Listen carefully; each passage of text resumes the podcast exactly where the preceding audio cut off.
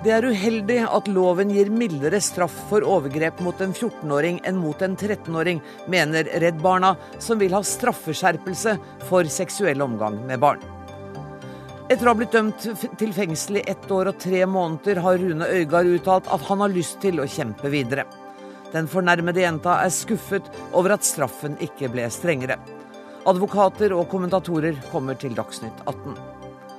LO-lederen ber kvinner slutte å gjemme seg bak morsinstinktet. Et stygt angrep på kvinnekampen, sier Høyres Julie Bråttkorp.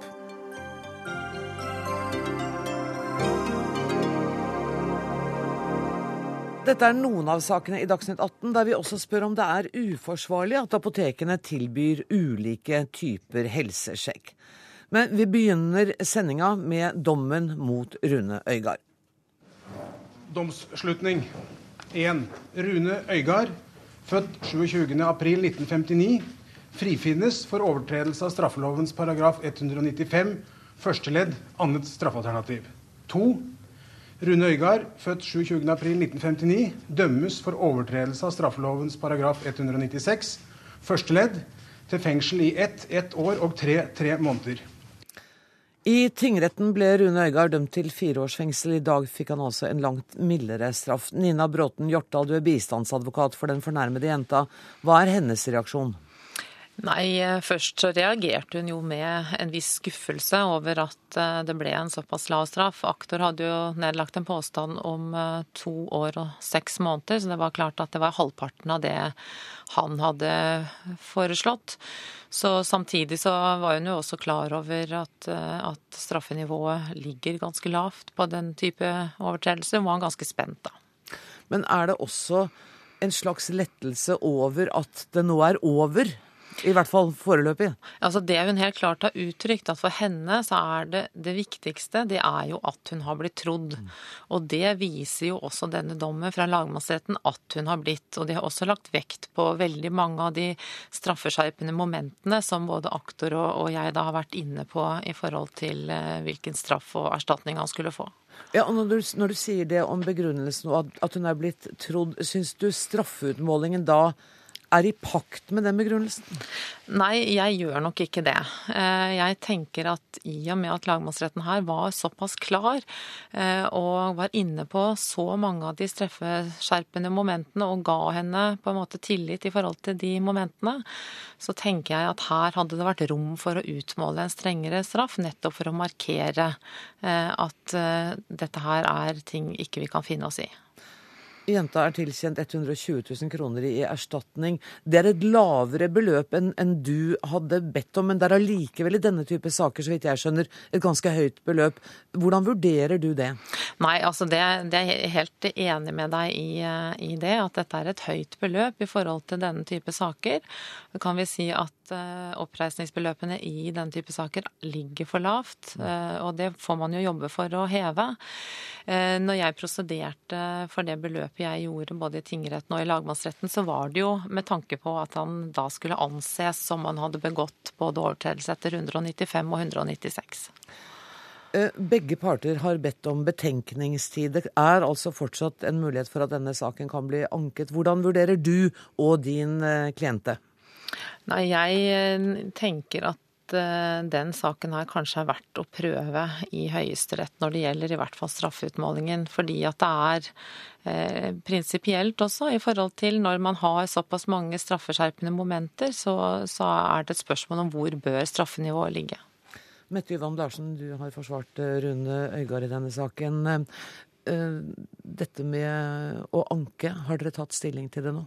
Nei, det har vi ikke rukket å ta stilling til. Jeg har uh, snakka med han en litt lengre samtale i dag, og han har også snakka med medforsvarer Martin Eibakke, men det må vi bruke tid på. Jeg har fått dommen over på e-post og har hørt den opplest så vidt. Ja, For det er noen risikomomenter ved å anke også for din klient? Ja, altså Det som er at Rune Øygard han uh, ser jo på denne dommen som et langt skritt i riktig retning.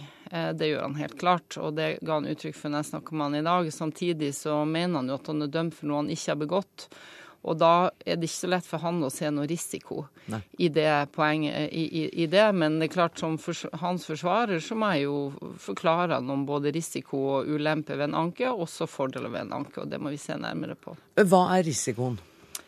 Altså, eh, Risikoen er jo at eh, hvis man anker, så kan eh, over saksbehandling kan dommen bli oppheva. Det blir en ny runde, og han kan risikere å bli dømt også for post 1 i tiltalen, altså dette strengere. Selv om han mener at han er uskyldig og ikke har begått det, så kan en lagrette se det annerledes. Fordi da kan altså Høyesterett kan sende tilbake til en ny lagrettebehandling? Når man anker over saksbehandling, så opphever Høyesterett dommen. Vi får aldri behandla skyldspørsmålet i Høyesterett.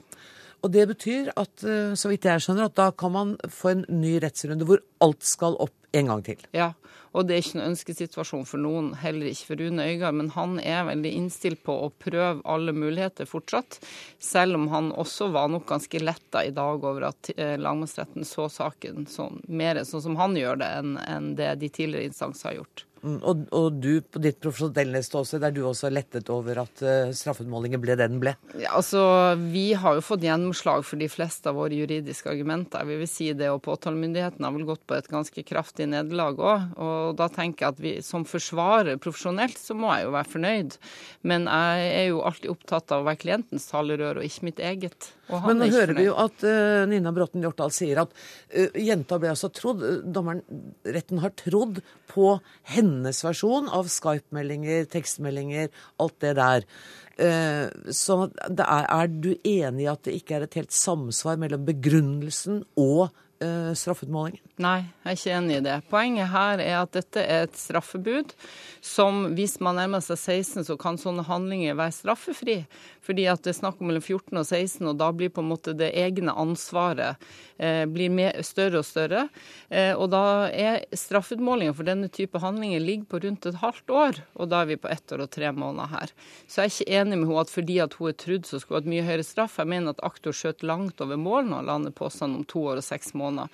Eh, og da tenker jeg at når vi er der vi er nå, så er det en riktig og rimelig straff ut ifra hva lagmannsretten har funnet bevist, men altså ikke det Øygard mener var riktig. Men sånn juridisk sett så er det ingenting å si på denne dommen. Den er ryddig og grei. Eh, Nina Bråten eh, Hjortdal, hvordan eh, ser den fornærmede jenta på at det er altså en mulighet for at denne saken kan komme opp i en tredje runde hvis partene anker? Ja, nei, altså det Jeg tror det er med, med selvfølgelig en blanding. Mm. Eh, fordi at det er klart at det har vært en lettelse for henne at det nå er over. Og hvis hun skal da inn igjen og på nytt gjennom en helt ny runde, så vil jo det helt klart være en ny belastning for henne. Men samtidig så vil det jo da være en mulighet også for at eh, hun blir trodd på det første punktet. Så sånn sett så kan det jo hende at hun vil motta det med takk hvis det kommer. Men Yvonne Larsen, hvor lang eh, betenkningstid har dere nå? Ja, vi, har to, vi, har to, uker, og vi skal begynne med jobben over helga og se nærmere på dette. Tusen takk for eh, at dere kom i studio, eh, advokatene Mette Yvonne Larsen og Nina Bråten Hjortdal. Olav Rønneberg, du er leder av krimredaksjonen her i NRK, har fulgt denne saken tett. Ble dommen sånn som man forventet? Det var nok ikke helt uventet at man havnet på dette nivået. Det var anslått mellom ett og to år på forhånd. Så får man altså ett år og tre måneder. og eh, Jeg tror nok det var slik det var antydet. Jeg er nok blant de som mener at aktors påstand om to år og seks måneder var for høyt. Mm, der var du enig med Mette Johan Larsen. Eh, men erstatningssummen er som vi hører høyere enn det som er det vanlige. Eh, hvordan begrunnet lagmann Ørnulf Rønbeck det? Begrunnet det med at det har vært skjerpede omstendigheter og omstendigheter over tid som har vært svært skadelige for jenter jenta. Vi skal huske på at retten nå har funnet det bevist at hun har vært utsatt for overgrep over en periode på 22 måneder, fra hun så vidt var fylt 14 år. Jenta sliter fortsatt med stor skamfølelse, hun sliter med søvnmangel, konsentrasjonsvansker osv. Og, så og de som behandler henne, mener at hun vil slite med det i lang tid fremover. og Derfor mener retten at man må opp fra normalsummen. Aktor i saken, Torbjørn Klunsæter, hadde ikke anledning til å delta i denne sendinga, men du har snakket med ham. Hvordan forholder han seg til uh, dommen? Han ordlegger seg litt forsiktig. Han hadde en lengre samtale med han i ettermiddag. Han sier at han tar dommen til etterretning. Uh, han vil ikke svare på om han er skuffet eller ser dette som et nederlag, at han fikk halvert i forhold til sin påstand. Han sier at han vil bruke tiden nå til å vurdere om påtalemyndigheten skal anke, men slik vi ser det, så er det nok svært sannsynlig at det kommer en anke her fra påtalemyndigheten. Fra påtalemyndigheten, og det er mindre sannsynlig fra fra forsvarers side? Rune Øyga risikerer jo mer ved å anke på straffeutmålingen. Han kan få en skjerpet straff uh, i Høyesterett dersom Høyesterett uh, velger å behandle anken. Så han har jo mer å risikere der. Og I forhold til saksbehandlingsanke, som vi hørte Mette Johan Larsen snakke om her, så er det også svært risikabelt for Rune Øygaard, slik hun sa. Anders Giæver, kommentator i VG. Mild dom, kraftig fordømming, skriver du på VG-nett uh, nå. Hva legger du i det? Jeg legger i det at han innenfor eh, den strafferammen som var, så ligger, ligger jo dommen på den milde siden av, av midt, midtbanen, kan du si. Strafferammen er seks år her. Ja. Mm. Uh, og, og, uh, i forhold til uh, i forhold til da hvor tydelig dommen er, og hvor, hvor, tydelig fordømmelse, rett og slett, for å bruke et sånt ord, som, som eh, dommeren leste opp i dag. Altså, den Rune, Rune Øygard blir ikke trodd på noe som helst. Ingen av uh, de forklaringene som han har prøvd å, å formidle sin sak med, at, at, det var hun som var pådriveren i kommunikasjonen og sånne ting, det sier de at det er totalt uinteressant. Det vedkommer ikke saken i det hele tatt. Man har trodd på, på jenta hele veien, og det er altså Eh, totalt sett en, en, en fordømming av eh, hans handlinger som jeg tror på mange måter, slik jeg har lest Rune Ørgaard gjennom denne saken, er verre for han enn en antall måneder i, og uker i fengselet. Men denne fordømmingen materialiserer seg altså ikke i en lang fengselsstraff. Og du sier også at det er fordeler ved at det er en konservativ eh, straff. Ja, jeg kan i hvert fall Jeg spekulerer i det, om, om dommerne har, har, tenkt på den måten. Dette har vært en helt spesiell uh, sak med helt spesielt mye oppmerksomhet. Uh, vi fra mediene har dekket den vegg til vegg nå til sammen gjennom, gjennom flere år.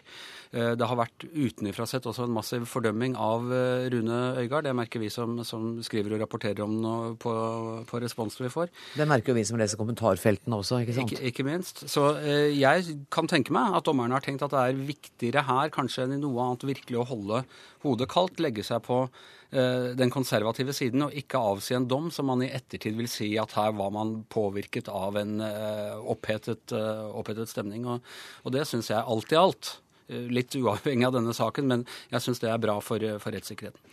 Eh, jeg har sett at det har blitt et gjort, gjort, et poeng av at fem av de sju som avsa dommen, er menn i slutten av 50-årene. Har det hatt noen praktisk materiell innvirkning på dette her? Altså jeg, Det blir spekulasjon fra min side. De jeg har snakket med om denne saken, som har fulgt med på saken, så har, syns jeg kanskje kvinner har hatt en mer tendens til å være øh, hva skal du si, forarget, sint, opprørt over, øh, over forbrytelsene. Jeg vet ikke om det da kunne ha spilt inn hvis det var flere av dem. Nå var jeg tror at alvoret som griper deg når du er satt til å, å dømme i en sånn sak, enten som legdommer eller som jurymedlem, eller dette, dette brukte dommer Ørnulf Rønebekk tid på ved innledningen, den griper en, en ganske sterkt. Og man, jeg tror vi skal ha den tiltro til folk som som eh, har jurytjeneste og, og, eh, som er legdommere, at de legger til side sine, sine personlige ting og prøver å, å, følge det som de oppfatter er loven og lovens hensikt. Er du enig i den vurderingen, Olav Rønneberg? Jeg er enig i det, og vi skal huske på at det her også er en enstemmig dom. Det var jo to kvinner blant de syv som eh, fastsatte straffen her. Dommen er enstemmig. Jeg syns at lagmannen har gjort en ryddig jobb med å lede retten hele veien. Det er en liten detalj, og det er at retten ikke begrunner hvorfor de akkurat har kommet til ett år og tre måneder. Det vet vi ingenting om. Vi vet ikke hvorfor hvorfor de kom til ett år og, eller ikke kom til ett år og seks måneder eller ett år og ni måneder. sånn at dommen hadde nok styrket seg på eh, hvis vi hadde fått vite noe mer om akkurat det. Men, men eh, generelt sett mener jeg at lagmannen her og lagdommerne har gjort en ryddig jobb med å føre saken. Mm. Og det er klart at det at han ble bare kjent skyldig, bare med anførsel, kjent skyldig i spørsmålet om seksuell omgang etter at jenta var fylt 14 år, har jo hatt denne store innvirkningen på, på straffutmålingen. Og Det er klart, det kan jo også være, det er jo et paradoks når man ser det som, som eh, legmann utenfra. Altså da det, det, første angivelige overgrepet som eh, jenta har forklart seg om, var da i var det vel oktober 2009. Mm. Eh, Retten har funnet det bevist at i hvert fall at det første var i november. Det er da snakk om noe over en måned imellom, som da har betydd en straffereduksjon fra, fra tingretten på, på, nesten to tredjedeler, eller over to tredjedeler. Og det er klart, Vi skal huske på at normalstraffen her eh, for ett overgrep eh, over fylte 14 år er jo seks måneder. Og så skal man begynne å legge til etter hvert som man finner skjerpende omstendigheter. Og Sånn sett så har jo retten gått en del opp i forhold til normalstraffen. Og retten tallfester ikke hvor mange overgrep de mener har skjedd, men de sier at det har skjedd en rekke overgrep. Hvordan ser dere på en uh, ankebehandling? Dere skal vel uh, dekke en eventuell ankebehandling også? Ja, Mener du rent personlig? Rent og ment faglig. uh, ja, Olav sa det vel ganske klart her. Øygard har mest å, å tape, tape og, og, risikere. Påtalemyndighetene har jo ikke egentlig det. det er sånn sett. Og, og, jeg går ut fra at jenta også vil ønske det. Så jeg vil tro at det er en sjanse for, for at, at påtalemyndighetene anker, og at Rune Øygard, hvis han hører på advokatene sine, ikke gjør det. Så får vi jo se da om Høyesterett slipper en eventuell anke igjennom. Da skal det jo være noe prinsipielt ved den. Det skal være gjennom et nåløye for at Høyesteretts ankeutvalg skal slippe den inn. Det kan være det jeg nevnte, med at retten ikke begrunner akkurat hvor lang straff som er satt. Det kan være det påtalemyndigheten bruker til å, til å, få saken anket. Mm. Og Høyesteretts ankeutvalg kan altså avvise det. Så, man, så, selv om det foreligger en anke, så er det ikke sikkert at den kommer til å bli tatt til følge? De aller fleste saker som havner i Høyesteretts ankeutvalg, stanser der. Tusen takk for at dere kom, Olav Rønneberg her fra NRK, Anders Giæver fra VG. Uh, vi skal fortsette å snakke om et uh, svært beslektet uh, tema. For som vi hører, så fikk altså Rune Øygard lavere straff i lagmannsretten fordi han ble frifunnet for å ha forgrepet seg på den fornærmede jenta da hun var under 14 år. Og nå krever Redd Barna at overgrep mot barn skal ha lik strafferamme, uansett om barnet er under eller over 14 år. Um, Janne Rånes, du er leder av Norgesprogrammet i Redd Barna. Hva sier lovverket i dag? Nei, I dag er det sånn at eh, det går en veldig tydelig grense på 14 år i lovverket, og der du har en mye høyere minimumsstraff for dem som er under 14. Eh, og det vi har sagt Nå er det jo ikke sånn at vi har sagt det her i forbindelse med Øygardsdommen. Vi har eh, uttalt oss i forbindelse med en høring, fordi regjeringa nå har en høring på straffeloven. Det er bra du presiserer det. Og det kommer eh, tilfeldigvis oppå hverandre. Mm. Eh, men da kan man jo si at det her er én sak av mange saker som kan illustrere at Poenget vårt med at vi er redd for at ungdommer har for svakt vern i straffeloven, og da må jeg presisere mot grove overgrep. Og vi har ikke sagt at det er overgrep eh, som gjelder blant der ungdom til ungdom forgriper seg på Nei, hverandre, men der vi snakker om voksne og barn.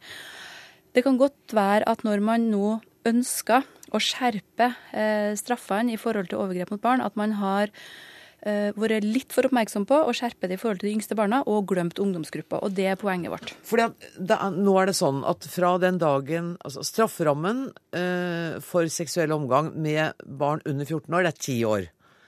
Og over ti år så er straff, altså maksimumsstraffen seks år. Men er det da sånn at det skiller altså hvis, det, hvis overgrepet skjer en uke før du er 14, så gjelder tiårs strafferamme?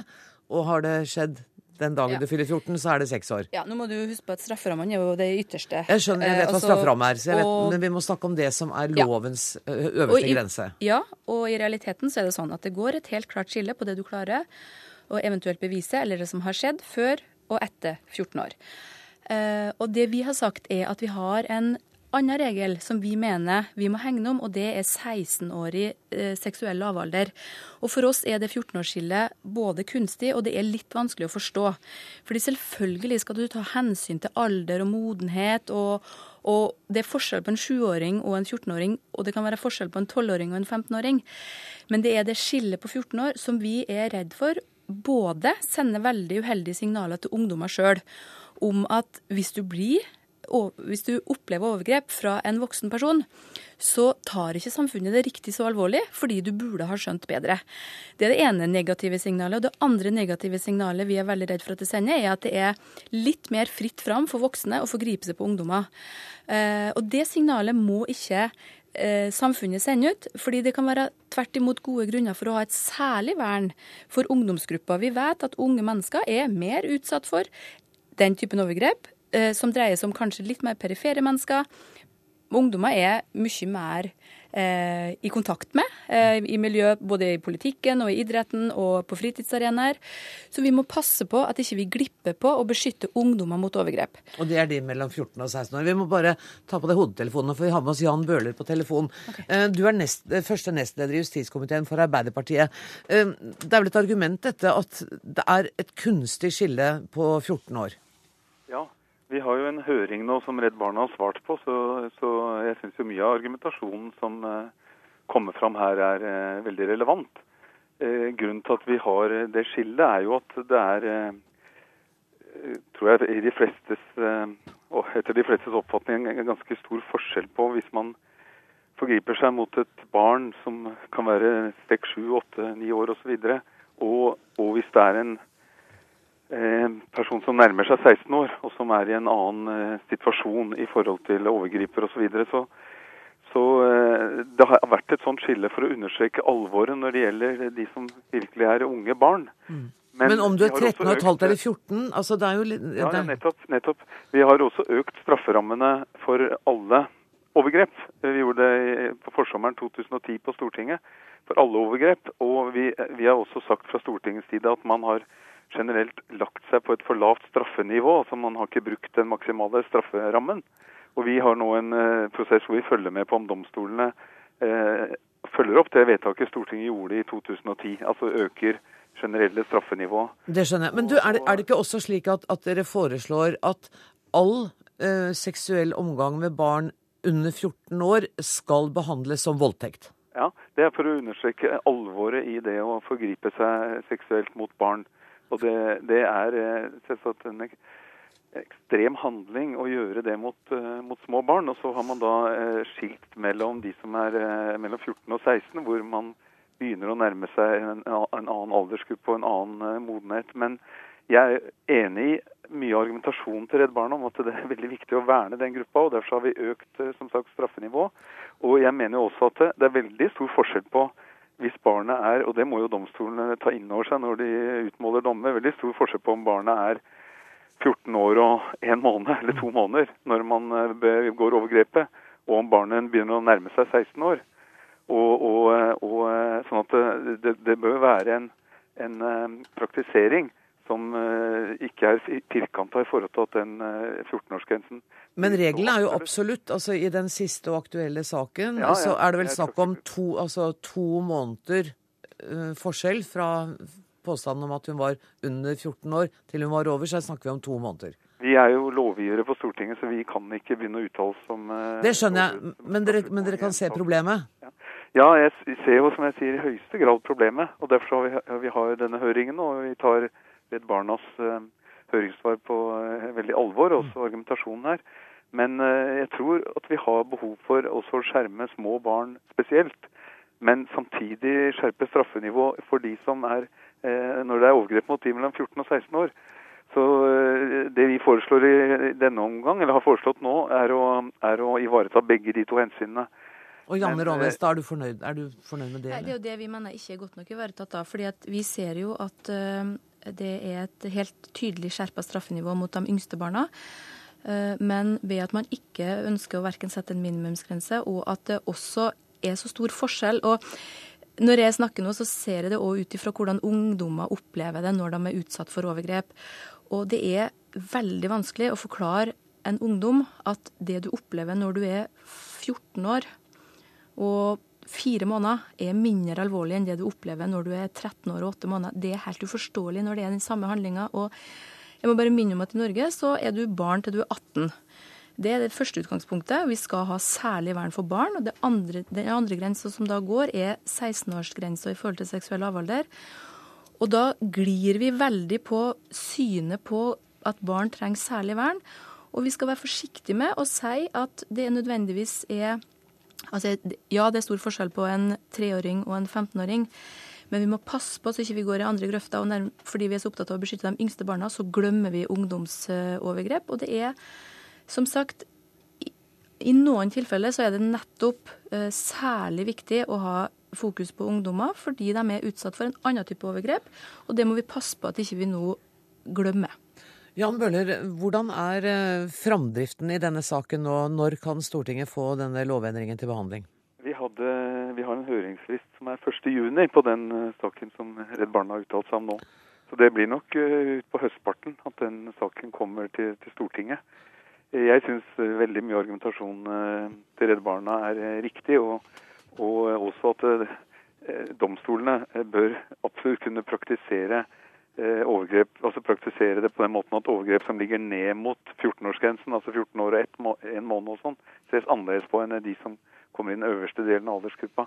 Men alt er alvorlig, så vi har skjerpet straffene for alt. Og vi følger også med på om domstolene faktisk gjennomfører det nå. Og det tar tid fordi, fordi de er helt uavhengige og har sitt eget system og, og utvikler sin praksis. og Derfor så prøves jo saker nå som vi ser stadig helt opp til Høyesterett for å legge seg på et nytt nivå. Rånes, er det godt nok for deg? Er det godt nok at man følger med på hva domstolen gjør, og at man oppfordrer til at man utviser et skjønn og ikke holder denne datogrensen på 14 år som absolutt? Nei, Det er problematisk så lenge både du har det med minimumskrav under 14, og du har en helt annen strafferamme. Eh, og igjen, jeg må bare minne om at det, den signaleffekten det kan ha, at det er anses som mindre alvorlig å forgripe seg på, på 14-15-åringer, den er veldig uheldig i forhold til hva vi, hvordan signal vi sender til voksne. Fordi det skal ikke være tvil om at eh, et barn som er under 16 år, har ikke lov å samtykke engang til, å, til å ha, være med på en seksuell handling med en voksen, og det skal voksne ha i ryggmargen. Og vi er redd for at den ryggmargsrefleksen kan bli utviska når du sier at ja, altså det er litt litt alvorlig når du forgriper det på ungdommer, og så er det veldig alvorlig når du forgriper det på en 14-åring. Og det er vi veldig uenig i. Det er et uheldig signal, og det håper vi også at både departement og stortingspolitikere tar inn over seg når de da lager ny lov. Jeg har i hvert fall inntrykk av at Jan Bøhler tar på alvor de argumentene dere kommer med fra Redd Barna. Jeg må, jeg må sette strek der eh, og si tusen takk til Jan Bøhler og takk til Jan Rånes fra Redd Barna. Hør Dagsnytt 18 når du vil, på nettradio eller som podkast nrk.no – dagsnytt 18.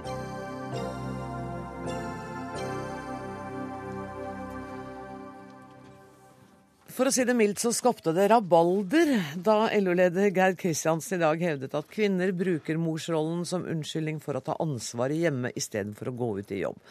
Geir Kristiansen, LO-leder, hjertelig velkommen hit. Um, på en skala fra null til ti, hvor mye angrer du nå på den uttalelsen? Eh, jeg angrer ikke på uttalelsen, men jeg er lei meg for den vinklinga som eh, diskusjonen rundt dette med heltid har fått. Eh, min Og jeg mener jo at det er ei avsporing av hele debatten. Men har du ikke eh, sagt det? Har du ikke sagt at du mener at det er feil at kvinner bruker morsrollen som en unnskyldning? Ja, men hvis du leser det helhetlig Jeg har lest hele, men det så, ja. ja. Hvis du leser det helhetlig, så sier jeg noe i tillegg til det, og jeg sier noe om at jeg skulle ønske at vi kom til det, det punktet at når damer var ferdig med den tida der de er den aller, aller viktigste for ungen sin, nemlig ammeperioden, at det var like naturlig for menn at de gikk inn i omsorgsrollen da, som det var for kvinner. Men jeg skulle ønske at vi heller kunne diskutere de utfordringene som vi har i forhold til at vi har altfor mange som jobber deltid i dette samfunnet. Julie Bråttkorp, det er du vel enig i? Det er jeg enig i, at vi skal diskutere deltid, heltid og særlig ufrivillig deltid. Eh, men jeg eh, må også si at eh, for Høyres del så er det viktigste, noe av det viktigste verdien i vårt samfunn er at hver enkelt av oss kan få lov å leve våre liv sånn som vi har lyst å leve dem. Helt da, uten samfunnsansvar? Da er det opp til politikere og til LO og til NHO å legge systemer til rette for de insentivene skal ligge der for å ta valg. Vi har full barnehagedekning, vi har utvidet uh, omsorgspermisjon, ja, vi har fått pappapermisjon. Det er jo lagt til rette da. Ja, og da burde LO-lederen heller ha fokus på hva er det ytterligere som kan gjøres. Og hvis man går spesifikt inn på den gruppen dette særlig gjelder, så er det helse- og omsorgsarbeidere. Det å da hindre mer fleksible turnussystemer eksempelvis, er ikke å legge til rette for at flere av disse kvinnene kommer i full jobb. Og så er det, syns jeg, synd at man får en likestillingsdebatt hvor kvinner settes opp mot hverandre. Jeg er ikke med på at det er mindre viktig det de kvinnenes valg går ut på, som ønsker i en periode å være hjemme. Det må være deres valg. Det er de som tar den økonomiske risikoen, ikke samfunnet. Og, eh, og da syns jeg de må få en respekt eh, for det valget de har tatt. Og det er flere som har kastet seg på. Det er ikke bare kvinner. Du skal få svare om en liten stund, men vi skal ta inn eh, landbruksministeren Trygve Slagsvold Vedum, for du kasta deg fort på i dag. Og du, da må Geir Kristiansen ta på seg hodetelefonen for å høre hva landbruksministeren sier. Og du var kjapt på. Og er du enig i at norske kvinner bruker morsrollen som beskyttelse? Nei, ikke i det hele tatt. Jeg mener at Heldigvis er det sånn at norske mødre tar mange ulike valg, og, og det er bra. Også for noen så er frivillig deltid et gode. Eh, og jeg mener Vi skal være veldig forsiktige med å sitte enten som LO-leder, som statsråd eller eh, leder av Høyres kvinnepolitiske utvalg, eller tidligere leder av Høyres kvinnepolitiske utvalg, og sette seg til doms over hvordan folk eh, lever sine liv. Altså Her er det heldigvis et samfunn der folk kan ta frie valg. Og Det er derfor jeg reagerte på det oppslaget i dag. Jeg har reagert også på tidligere oppslag, der det nesten kan ses ut som det er moralsk pekefinger overfor de som ønsker å jobbe litt, jobbe litt mindre. Så kan vi ikke måle alt i samfunnet ut ifra arbeidstimer og produksjonsvolum. Noen prioriterer tid. Andre av oss eh, har prioritert mer karriere. Og da må vi ha respekt for at eh, vi velger eh, ulikt. Og så har vi i regjeringa lagt opp til en foreldrepolitikk som gjør at vi fedre har fått mye bedre rettigheter til å være med hjemme. Altså vi utvider nå fra 1.7 til 14 uker pappapermisjon. Og Fedre har jo aldri tatt mer ansvar hjemme enn man gjør nå, så det har jo skjedd en revolusjon i forhold til likestilling i hjemmet. Og vi har da brukt et gode, og samtidig lagt noen føringer som gjør at uh, flere av oss småbarnsfedre uh, blir hjemme i uh, barnets tidlige fase. Og Det er et stort gode som jeg syns det er synd at Høyre ønsker å ta bort, for de er jo mot pappapermordningen, mens vi i regjeringa mener det er riktig er ikke, å styre. Nå var det ikke akkurat pappaen som sto i sentrum akkurat i dag, Slagsvold Vedum. Nei, jeg må ikke si det, da. Men, det er vel litt nei, men, typisk altså, at den eneste mannen klarer å sette seg selv i sentrum med en gang. Nei, men, nei, men, ja, men, jo, ja, men poenget er jo at altså, når man diskuterer likestilling, så må man, ikke å ro man unna det. diskutere begge kjønn. En likestillingsdebatt uten å snakke om to kjønn kan jo være litt kjedelig. Uh, og det med frivillig deltid mener jo vi i hvert fall er er et gode, og vi mener vi skal være forsiktige med å moralisere overfor det. Og så må det være opplyste valg, for det er en risiko for den som jobber mindre. For hele samfunnet vårt av forsikringsordninger, uføreforsikring, uføretrygd, vil jo bli mindre hvis du, hvis du blir ufør f.eks. når du jobber mindre. Men ja, vi kan ikke ta hele pakka. Ja, og nå sitter Geir Kristiansen og trommer litt utålmodig på bordet. Uh, hvilke av poengene han Jeg har et par poenger, jeg også. Ja, det, det altså det, det, det, det, blir alltid en merkelig debatt når vi diskuterer retten til heltid. Altså, det vi må sette på dagsorden, det er at vi har ei kjempeutfordring i det norske arbeidslivet.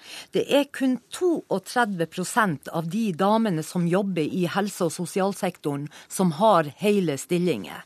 Eh, den som sier at dette ikke er et problem, når vi vet at vi i løpet av, i løpet av en 30-årsperiode kommer til å trenge 130 000 nye helsearbeidere, og at vi står med en stor arbeidskraft arbeidsreserve i deltidsansatte som gjerne vil jobbe mer, og som arbeidsgiver burde gjøre seg lekker i forhold til for å få til å arbeide mer. Men du, er det ikke, bare for å presisere, for jeg leste deg et tall i dag, og korriger meg hvis jeg tar feil, men det var da bare 10% av de kvinnene som jobber deltid, som har uttrykt ønske om fulltid? Men, men, å diskutere frivillig eller ufrivillig deltid ja, Ja, ja, må vi det? Må vi det så lenge som at vi står og mangler masse folk eh, innenfor den sektoren som skal ta vare på både meg og deg når vi, når vi etter hvert blir gamle? Vi er nødt å å sette oss ned, både arbeidsgiversida og arbeidstakersida, og diskutere dette. Og jeg er veldig glad for at NHO er ute på banen og sier at det er viktig at vi tar denne debatten. Det er viktig at arbeidsgiverne tar ansvar her og setter seg ned i lag med de tillitsvalgte og sørger for at vi får til arbeidstidsordninger som skaper mer heltidsstillinger. Og da er det jammen bra at vi har invitert eh, NHO. Kristina Julum eh, Hagen, du er rådgiver for likestilling og og mangfold. Du hadde ikke den samme negative reaksjonen som Julie Bråttkorp på oppslaget med Geir Kristiansen i dag? Nei, det hadde jeg ikke. Vi i NHO var først og fremst eh, glad og positiv til at LO-lederen er så tydelig på at deltidsarbeid er en viktig utfordring i det norske arbeidsmarkedet. Vi er helt enig i at det er en utfordring for våre bedrifter, også for offentlig sektor, at så mange velger å jobbe redusert, når vi ser at vi trenger så mye arbeidskraft.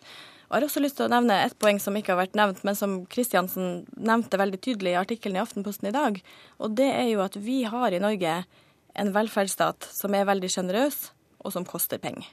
Og de ordningene velferdsstaten inneholder, sånn som full barnehagedekning og lang foreldrepermisjon, det er jo ordninger som småbarnsforeldrene nyter godt av, men som ikke kommer gratis. Og Da krever det at mange står i full jobb for at vi skal kunne finansiere de ordningene. Og Det er også en viktig del av den diskusjonen her. Men er det ikke også et poeng at det er ikke småbarnsmødrene stort sett som går i deltid?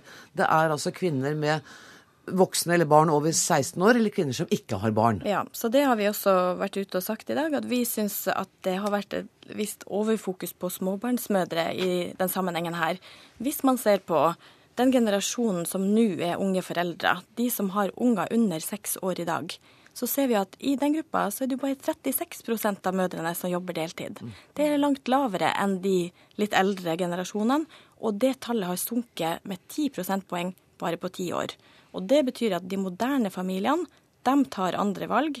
Enn de godt voksne kvinnene? Ja, og enn de unge familiene gjorde for ti år siden. Og hvorfor gjør de det? Jo, der er jeg helt enig med landbruksministeren at det her handler mye om familiepolitikk. Vi har hatt en familiepolitikk som har gitt oss full barnehagedekning, som har lagt til rette for at fedre kan ta ansvar hjemme. Når far tar ansvar hjemme, kan mor ta ansvar ute. Så det å diskutere fedrekvote her er ikke irrelevant. Det mener det er ikke, ikke irrelevant. Jeg bare ser på klokka og ser at vi har begrensa med tid, at vi kan ikke ta alle problemer. Men Julie Bråttkopp, jeg hørte jo landbruksministeren si at noen av oss har valgt karriere. Noen velger å bruke tiden på en annen måte, eh, og de må ikke, det må ikke være diskriminerende. Men det er jo noe med at det er mennene som stort sett velger karriere, da er det ikke det? Ja, og der har vi jo mange tiltak vi må sette i verk. Men vi, må, men vi må ikke begynne med å gå ut i avisene og si at eh, småbarnsmødre gjemmer seg bak morsrollen for å slippe å jobbe mer. Det er stigmatiserende. Og endelig har vi kommet dit at småbarnsmødre faktisk begynner å bli ganske attraktive på arbeidsmarkedet nettopp fordi vi har fått en familie hvor det å være far og det å være mor etter hvert betyr like mye. Da kan vi ikke ha samfunnstopper som begynner å gå ut og segmentere bildet av kvinner som mindre produktive og en større fare for bedriftenes lønnsomhet enn menn. Det er deg hun mener, Geir Kristiansen. Da må Kristiansen få svare. Det. Jeg hører det, og, og, eh, når jeg leste avisen i morges, så må jeg si, Julie Brått, at jeg ble, jeg ble, veldig glad for mye av det du sa. Men så har vi ikke samme virkemidlene for å få det til. Men jeg har lyst til å avslutte med å si at jeg lurer på hvordan vi hadde reagert hvis man i politiet, eller i brannvesenet, eller i industrien, som også jobber skift og turnus, hadde hatt så mye deltidsstillinger i yrker der det er menn som jobber. Vi må ta debatten rundt det med hvordan skape hele stillinger og gjøre dette attraktivt, og ikke avspore. Og så er jeg lei meg for at hvis noen føler seg trakka på, for det var slettes ikke min mening med å starte denne debatten. Og det er ikke bare det der med morsinstinktet, for jeg har hørt flere kvinner i dag som sier at du bagatelliserer dette med heldags heldagsjobb, og du sier det. Vi jobber 37,5 timer i uka. Det er ikke mer enn et drøyt døgn. Det er masse tid til å bruke til ungene. Mens du ser da bort fra reisetid og henting i barnehager og all den administrasjonen, er, så sier de unge kvinnene i dag at det er ikke mye tid igjen. Har du tatt for lettvint på dette her? Tidsklemma handler jo om mye, mye mer enn jobb. Den handler jo også om hvor vi, hvordan vi har innretta privatlivet vårt. Og, og, den diskusjonen har ikke jeg gått inn i i det hele tatt. Jeg har snakka om hvor mye av tida vår som går til ren arbeidstid, og ikke noe utover det. Nå har eh, landbruksministeren vært veldig tålmodig lenge. Nå skal vi høre hva, hva du, hvordan du reagerer på dette, Slagsvold Vedum. Nei, Vi i Senterpartiet er jo helt enig med Geir Kristiansen at vi må jo legge til rette for heltid. Uh, når det er så mange stillingsbrøker i kommunal sektor, og 13-14% og spesielt innenfor kvin uh, kvinnedominerte yrker, så har vi kommet for kort. Så vi har ikke lagt godt nok til rette fra samfunnet, fra kommunene, mye i offentlig sektor, at, skal, at det skal være lett å velge det heltid for mange. Men, så det er den ene sida. Så vi politisk må legge til rette. Så syns jeg den, den andre dimensjonen som vi da kan, som vi, som vi, der vi har litt meningsforskjell, virker det som, så må vi ha respekt for at noen velger annerledes. Men vi må ikke tvinge folk til å velge annerledes. Og fortsatt så er det sånn spesielt innenfor omsorgssektoren at det er for mange som blir tvunget til å jobbe deltid, og det er det ingen som ønsker. Og det er spesielt også innenfor en del av de tunge omsorgsyrkene, som der det har vært mye deltidsproblematikk. At vi ser at folk blir uføretrygda for tidlig. Så vi har en stor utfordring i forhold til kvinnedominerte yrker. Men, men kjære landbruksminister, du sitter i en, en, en regjering som, som har hindret akkurat den fleksibiliteten du snakker om. Altså Høyre har jobbet for at vi skal kunne få mer fleksible turnusordninger, sånn at det blir enklere å få turnusen til å henge i hop. Sånn at vi får flere fulltidsansatte i denne sektoren. Og hva gjør dere? Jo, dere lar LO bestemme, og da sørge for at det ikke er mulig i lengre kontrakter enn ett år. Det er ikke å sørge for at flere kvinner kommer i fulltidsstillinger i denne sektoren. NHO. Ja. Da, vent, litt, Vi- eh, vent litt, landbruksminister. Nå må, nå må også Kristina Julum Hagen få svare. Ja, vi i NHO mener jo at fleksibilitet er et viktig stikkord her. Og vi tror jo at det at eh, så mange unge mødre nå får til å jobbe heltid, handler om fleksibilitet fra arbeidsgiver sin side og arbeidstaker sin side. Har du muligheten til å gå litt tidligere hjem fra jobb, hente i barnehagen og heller plukke opp PC-en på kveldstid, da er det lettere å si ja til fulltidsjobb. Og det sier dere begge to, eh, med den arbeidsmiljøloven som vi har. Og jeg hører jo at det Julie Bråttkorp er ute etter, det er å få til det de kaller for enda mer fleksibilitet i arbeidsmiljølovens bestemmelser. Arbeidsmiljøloven er fleksibel så det holder, dersom at man bruker den fullt ut. Kjære venner, vet du, hva, jeg er nødt til å sette strek, men det vi kan slå fast er at du er lei deg hvis noen småbarnsmødre har blitt såret, såret over utspillet ditt, men at du står bannert på at det skal flere kvinner inn i fulltidsstillinger. Yes. Ja. Tusen takk for at dere kom, Geir Kristiansen, Julie Bråttkorp, Trygve Slagsvold Vedum på telefon og Kristina Julum Hagen.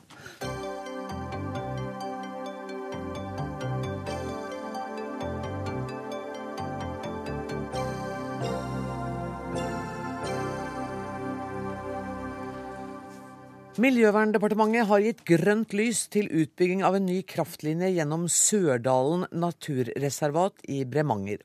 Dette til tross for at både Fylkesmannen i Sogn og Fjordane, Direktoratet for naturforvaltning og Norges vassdrags- og, energidirektorat har frarådet på det sterkeste å legge kraftlinja nettopp der.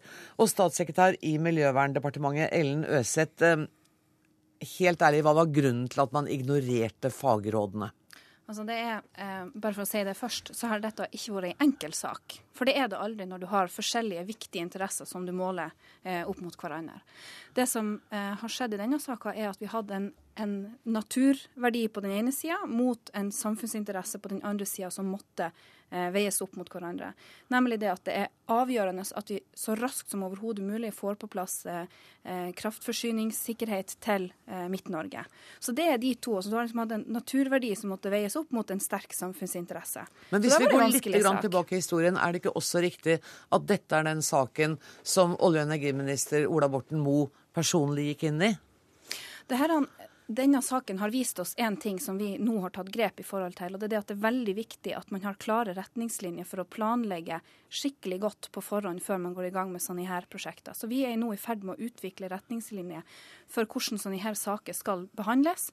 Ved det at det før det gis konsesjon, eller før man i det hele tatt kan starte på bygget, så skal alle sånne her ting eh, være avklart. Det skal være Dersom det er behov for å søke dispensasjon fra vernebestemmelser, så skal det være gjort før man går i gang med bygging. Er det svar på spørsmålet? Det jeg spurte om var, er dette den saken hvor olje- og energiministeren personlig grep inn? I denne saka har det vært eh, flere hensyn som har blitt veid att og fram, eh, også tidligere. Jeg får ikke noe svar. Eh, Da må jeg gå til eh, deg, Lars Haltbrekken. Eh, Er det denne saken hvor eh, olje- og energiministeren grep inn og flytta traseen? Ja. Eh, Hva flytta han den fra? Var det også et naturreservat? Nei, det var det ikke. Eh, Statnett ønska i utgangspunktet ikke å legge linja gjennom eh, naturreservatet, av åpenbare grunner. Eh, Dette er et naturreservat som ble oppretta i 99. Det er store verneverdier i det. Masse viktig dyr- og planteliv som man fant ut at dette er så viktig at dette skal vi bevare for all ettertid. Så uh, gikk da Olje- og energidepartementet inn og omgjorde det vedtaket som Norges vassdrags- og energidirektorat hadde gjort etter ønske fra Statnett. Og det ble da dessverre bekrefta, stadfesta i går, av uh, miljøvernministeren, som han har nå tillatt et stort inngrep i et område som var verna for all ettertid. Hvorfor har, Jeg leste et sitat av det om at dette her er en sånn merkesak for Naturvernforbundet. Hvorfor er denne så viktig? Pga. at vi her snakker om et naturområde som vi har gitt det strengeste vernet, den strengeste beskyttelsen som vi kan gi. Og vi frykter for konsekvensene til andre verna områder i Norge, når man med et pennestrøk bare kan tillate et så stort inngrep i et så verdifullt område. Og det er bare to måneder siden at vi fikk eh, også oppheva deler av vernet av Åkersvika naturreservat eh, ved Hamar, fordi at regjeringa ønska å bygge en firefelts motorvei gjennom det. Men skjønner ikke, har ikke dere sans for argumentet om at energisituasjonen i Midt-Norge er så prekær at det faktisk haster nå? Hvis regjeringa mener at det haster med å få på plass denne kraftlinja, så burde man jo ha lytta til de rådene som Statnett sjøl ga, og som eh, Norges vassdrags- og energidirektorat eh, ga for eh, godt over eh, et år siden.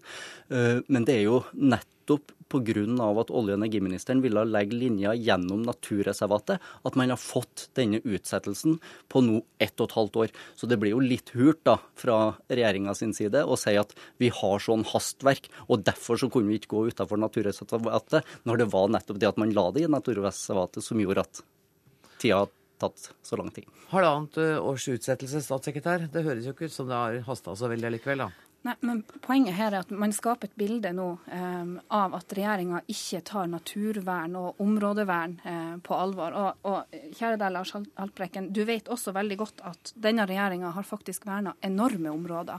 Vi har faktisk, siden vi starta i regjering, den rød-grønne regjeringa, så har vi verna et område som er nesten like stort som Buskerud fylke. Altså vi har, vi har 300 nye naturreservater, vi har syv store landskapsvernområder, vi har elleve nye nasjonalparker. Vi har så virkelig tatt det på alvor. Men så kommer vi opp i noen situasjoner hvor man må, må vurdere eh, naturverdien på den ene sida og en samfunnsinteresse på den andre sida. Det er ikke sånn at i alle sånne saker så taper naturvernet. Men i de sakene eh, som, som man tidlig i prosessen kan få avklart, som er nettopp det jeg sier, at vi nå legger opp til at man skal kjøre bedre planprosesser, sånn at på en måte hele løpet eh, blir altså Både planlegginga og gjennomføringa kan foregå uten brudd, og hvor man stopper opp og vurderer. For det er ikke, det er ikke bra planlegging og gjennomføring. Det må, vi, det må, vi, rett og slett Og det har vært en forsinkelse på halvannet år? Vi ønsker å nå eh, Men Kan du ikke bare si Jarle, har det vært det?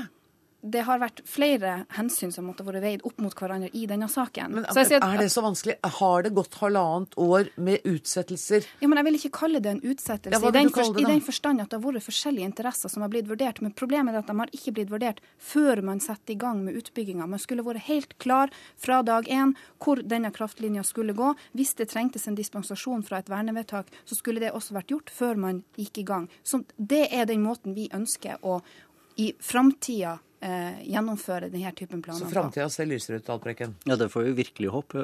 Og vi får håpe at områder som er verna, skal få bli det. Men jeg skjønner egentlig ikke argumentasjonen fra regjeringa.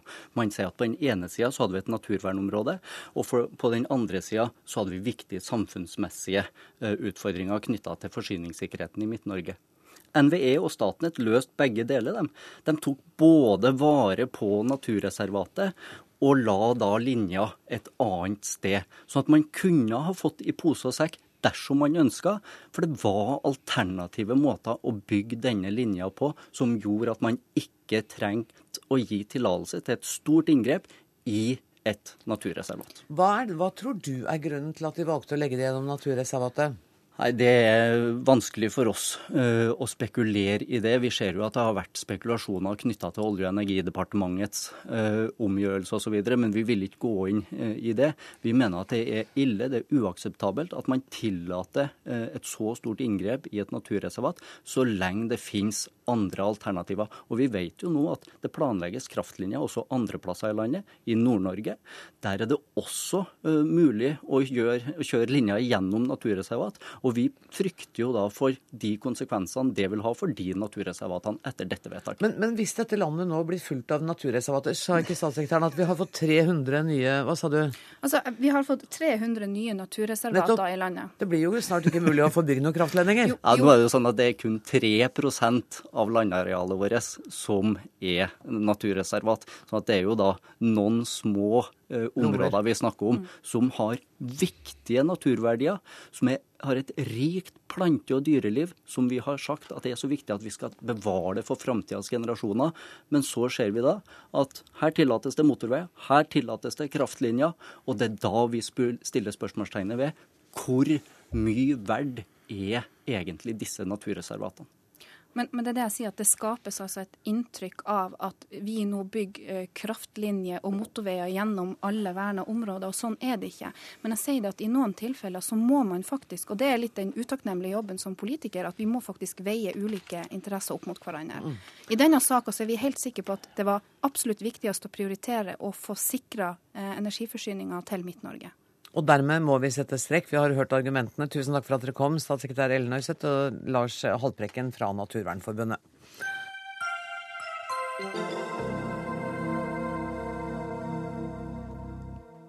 Som flere av oss har registrert, så tilbyr apotekene i stadig større grad en slags helsesjekk.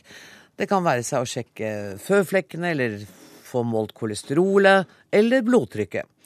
Det er forvirrende og problematisk, mener representanter for legestanden i en kronikk i Aftenposten i dag. Og leder for Norsk forening for allmennmedisin, Marit Hermansen. Hvorfor gjør det noe at apotekene tilbyr denne type tjenester? Jeg skjønner jo godt at apotekene vil selge disse testene. Jo flere tester de selger, jo mer tjener apotekene. Jeg bruker mye tid eh, på mitt kontor med å overbevise folk om at de ikke trenger teste seg. Altså det, eh, det, blir ikke noe bedre helse av at friske folk tester seg mer og mer.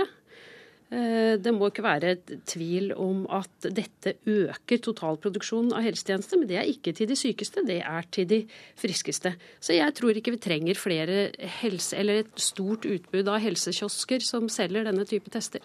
Men, men mener du også at, at denne type helsekiosker, som du sier, fører til større helseangst blant friske folk? Det kan det gjøre. Eh, og da blir det mer arbeid for helsetjenesten å for både forholde seg til resultatene og eh, berolige folk med at eh, dette er ikke farlig. Jeg tenker også at det, et, det blir en slags driv i helsetjenesten mot mer og mer av denne type ytelser mot den friskeste delen av befolkningen. Og jeg tror vi skal konsentrere oss om å gi gode helsetjenester til den syke delen av befolkningen. Per T. Lund, du er administrerende direktør i Apotekforeningen, og du er også farmasøyt. Eh, er det et bra tilbud, dette apotekene gir oss? Ja, jeg kan jo ikke skjønne annet enn at det må være veldig bra hvis eh, vi kan bidra til at eksempelvis noen av de 100 000 udiagnostiserte diabetespasientene som vi vet går rundt i landet, får bekreftet eller avkreftet eh, at de har diagnose, eller at vi bidrar til at noen av de 1200 menneskene i Norge under 65 år som dør av hjertesykdommer, at de kan komme seg til, eh, til lege eh, så raskt som mulig, så man eh, kan gi dem gode råd om hvordan de skal kunne forlenge livet sitt. Er det en ubegrunnet frykt legene her har for at man faktisk driver og tester helt friske mennesker, at man skaper et helsebehov som ikke er det? Jeg har litt vanskelig for å henge med i logikken. I apotekene i Norge så jobber det 7000 helsepersonell. De føler de har et uh, samfunnsoppdrag. De er alle sammen opptatt av folkehelse. De er kompetente og føler at uh, de kan bidra i, i, denne saken. Men er det ren humanitær godhet som gjør at apotekene driver med disse testene? Ja, Som jeg sa, det er uh, helsepersonell som jobber i apotek. De er opptatt av å bidra til at de som ikke kommer seg på legekontor, har barrierer av en eller annen grunn kan få et, eh, alternativt, eh, et alternativ. Det er ikke nødvendigvis bedre å teste seg selv på kjøkkenbenken hjemme. Marit Hermansen, det er jo et poeng. Ja, men eh, det er en, en, fastlegeordning i Norge som er godt utbredt. Det må ikke være tvil om hva som er adressen for eh, mennesker som lurer på sin helse. Det er ingen som dør i Norge av hjertesykdom fordi de ikke har vært på apoteket og testa seg.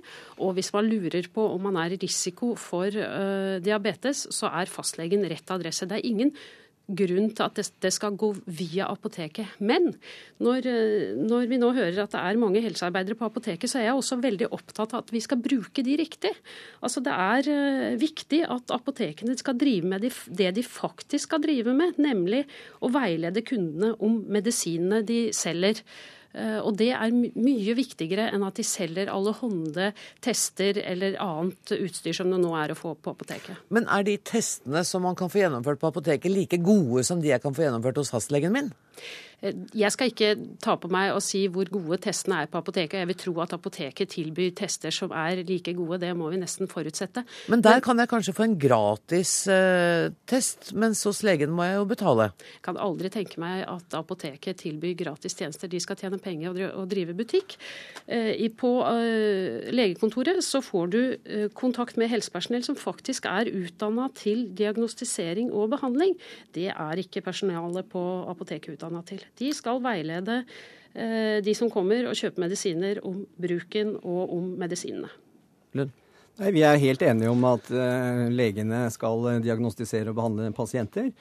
Og at vi som jobber på apotek, vi er eksperter i at legemidler bruker riktig. Og jeg og Marit Hermansen er helt sikkert enige om at vi sammen skulle jobbet enda bedre for å hindre at det dør fem til ti ganger så mange av at de bruker legemidler feil, enn de som dør i trafikken årlig. Så det er, jo en hovedoppgave for dere. Det er liksom det vi driver med. Men hvorfor må dere da blande opp i legenes eh, arbeid med å ta alle disse testene? Det er et eh, engasjement knyttet til at vi er der hvor folk eh, holder til. Jeg gjentar, vi er 7000 ansatte, 740 apotek, trenger ikke timebestilling.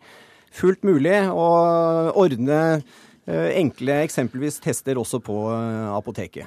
Uh, Hermansen, ser du noen fare ved dette? Er det sånn at, at man risikerer at enkelte mennesker da ikke går til lege fordi de har vært på apoteket?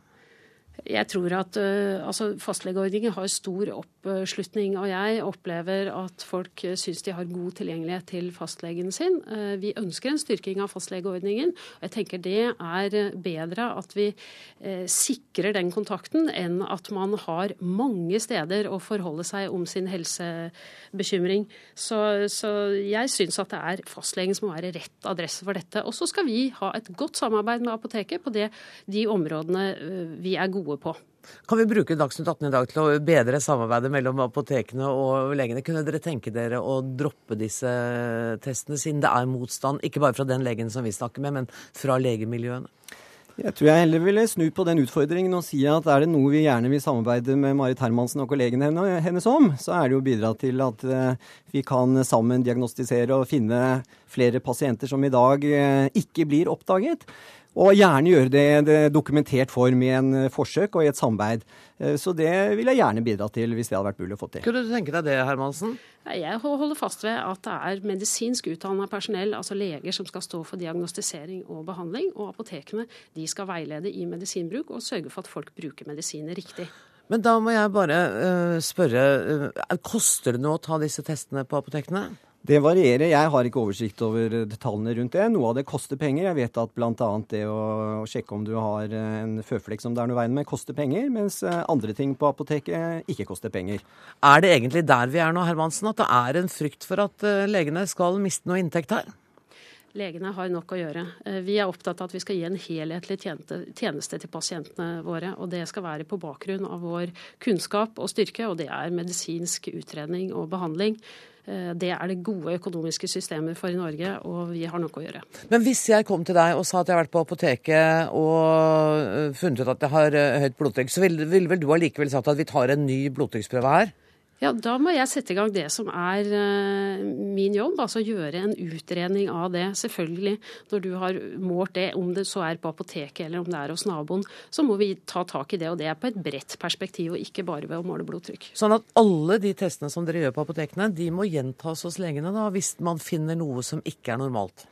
Ja, Det syns jeg må være rimelig å anta. At legene vil forsikre seg om at uh, riktig diagnose blir gitt og riktig behandling startet opp i etterkant. Men jeg er helt sikker på at også Marit Hermansen vil være veldig godt fornøyd hvis det at en av hennes pasienter faktisk ender opp hos henne etter å ha vært hos apoteket, og vi finner ut begge to at uh, at denne pasienten har høyt blodtrykk og kan ha veldig godt av å legge om livsstilen sin. Og vi kan da slå fast at apotekene ikke har noen planer om å droppe disse testene?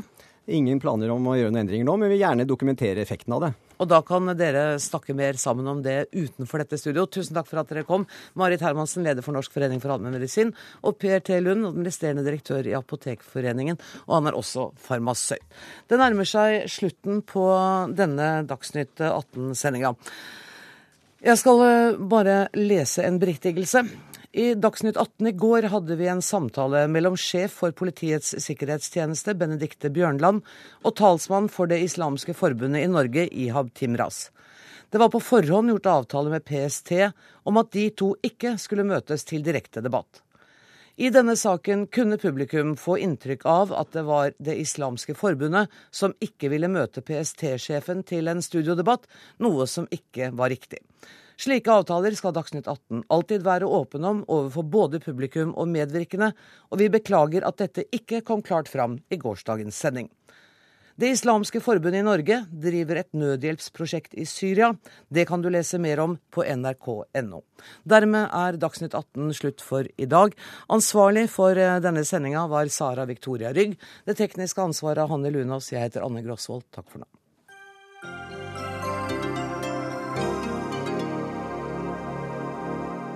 Hør flere podkaster på nrk.no podkast.